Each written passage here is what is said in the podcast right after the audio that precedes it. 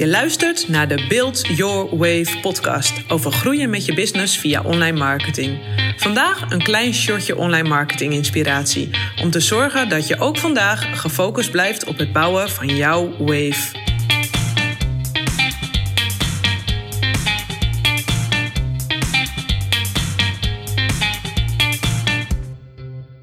Cadeautjes, wie is er niet gek op? In deze podcast ga ik het er helemaal met je over hebben.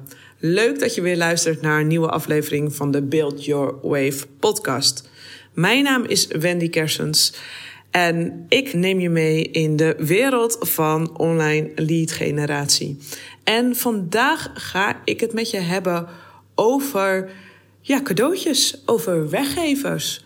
Want cadeautjes weggevers, gratis downloads, gratis videoseries, gratis PDF's, gratis challenges, you name it, zijn een fantastisch middel om nieuwe leads voor jouw business aan te trekken. Maar tot zover wist je het waarschijnlijk wel. Het is een fantastisch middel omdat het gewoon een wederkerigheid oproept. Jij geeft iets aan iemand en iemand krijgt daar dan een goed gevoel bij als het goed is.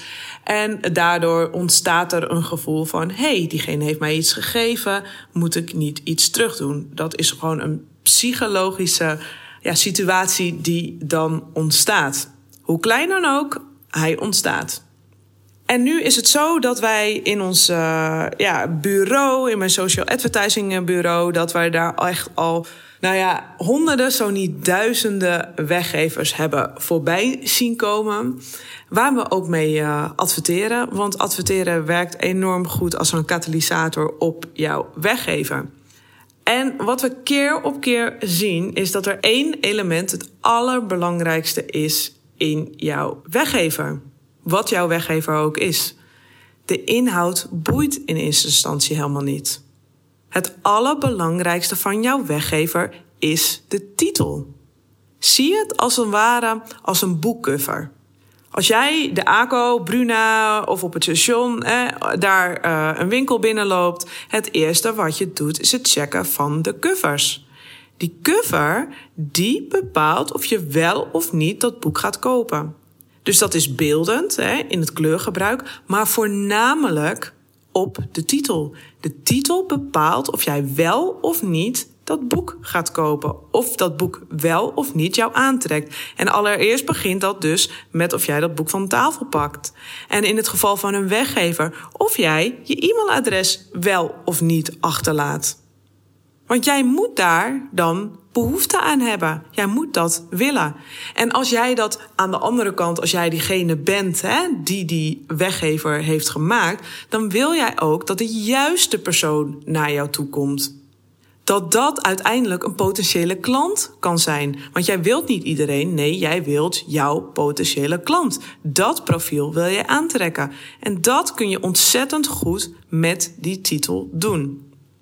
Maar die titel, die moet wel zo eenvoudig mogelijk zijn. Nou, nu zijn er vijf manieren voor het schrijven van een onweerstaanbare titel.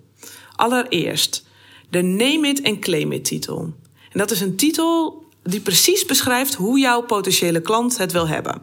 Denk dan als uh, titels aan uh, de 4-hour workweek of financiële vrijheid of um, fit and fabulous of jouw eerste miljoen of businessplan op één A4'tje, uh, een killer body, dat soort dingen. Het enige wat je hoeft te doen is goed na te denken over de dromen van jouw perfecte klant en daar dan de juiste woorden bij te vinden. Een tweede ja, soort titel is de Just Do It titel. Een ja, dit wil ik nu gaan doen titel. Dus dingen als eet als een expert, stoppen met roken, uh, kruip nooit achter een geranium, ontwijnen of bijvoorbeeld stop je scheiding. Een derde manier van een onweerstaanbare titel kan zijn de how-to-titel. Nou, deze zie je al veel. Dus hoe word ik uh, Bitcoin-miljonair? hoe uh, stop ik me met zorgen maken en start ik met leven? Hoe word ik assertiever? Hoe word ik een super vetverbrander? Hoe overleef je het pensioen? Hoe overleef ik de brugklas? Nou, dat soort dingen. Hoe maak je de mooiste tekeningen? Nou, dit kan van alles zijn. Dit is over het algemeen wel de makkelijkste categorie om hier iets voor te verzinnen. Dan heb je ook nog de titels in de categorie informatiegoudmijnen.